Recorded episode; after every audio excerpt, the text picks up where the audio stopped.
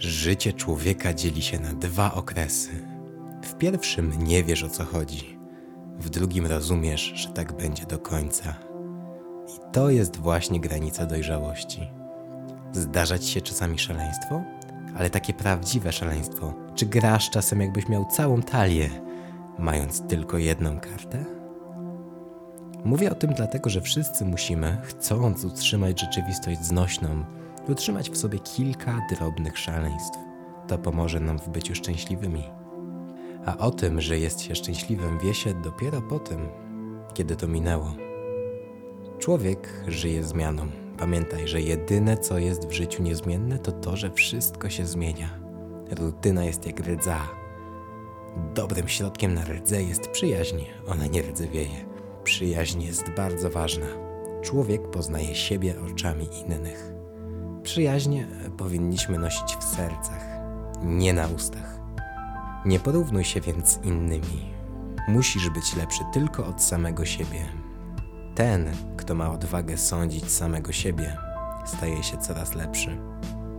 Pozostań w pokoju z sobą i światem, chociaż e, groby żołnierzy są najlepszym kazaniem o pokój.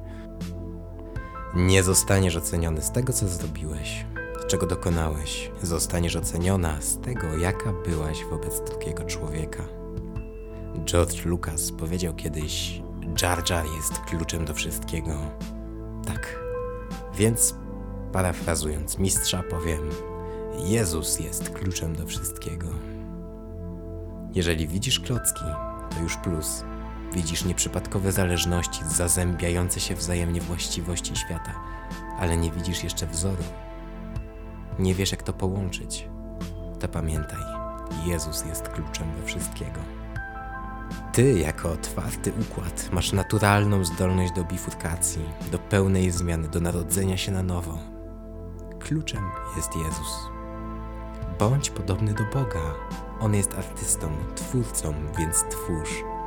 Twórzcie, czyńcie dobro, tylko pamiętaj, autor we swoim dziele powinien być taki jak Bóg we wszechświecie, wszędzie obecny i nigdzie niewidoczny. W codziennym życiu bardzo ważny jest dystans, chwile samotności i skupienia. Idź na swoją górę oliwną, pamiętaj.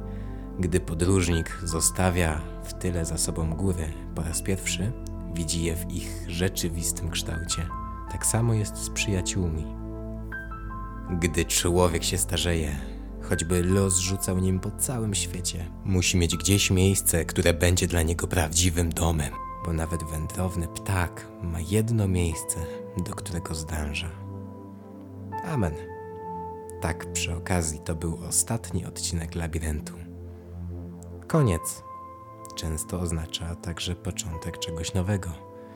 Jeżeli więc jakie, z jakiegoś powodu chcesz czy potrzebujesz tego, co mówię, napisz mi na waldekgrabanmałpa.gmail.com żebym nie kończył.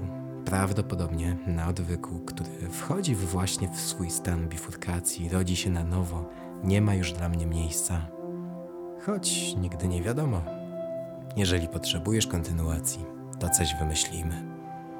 Dzięki za wspólną wędrówkę w labiryncie człowieka i towarzyszenie w drodze ku doświadczeniu, ku odnalezieniu samego siebie.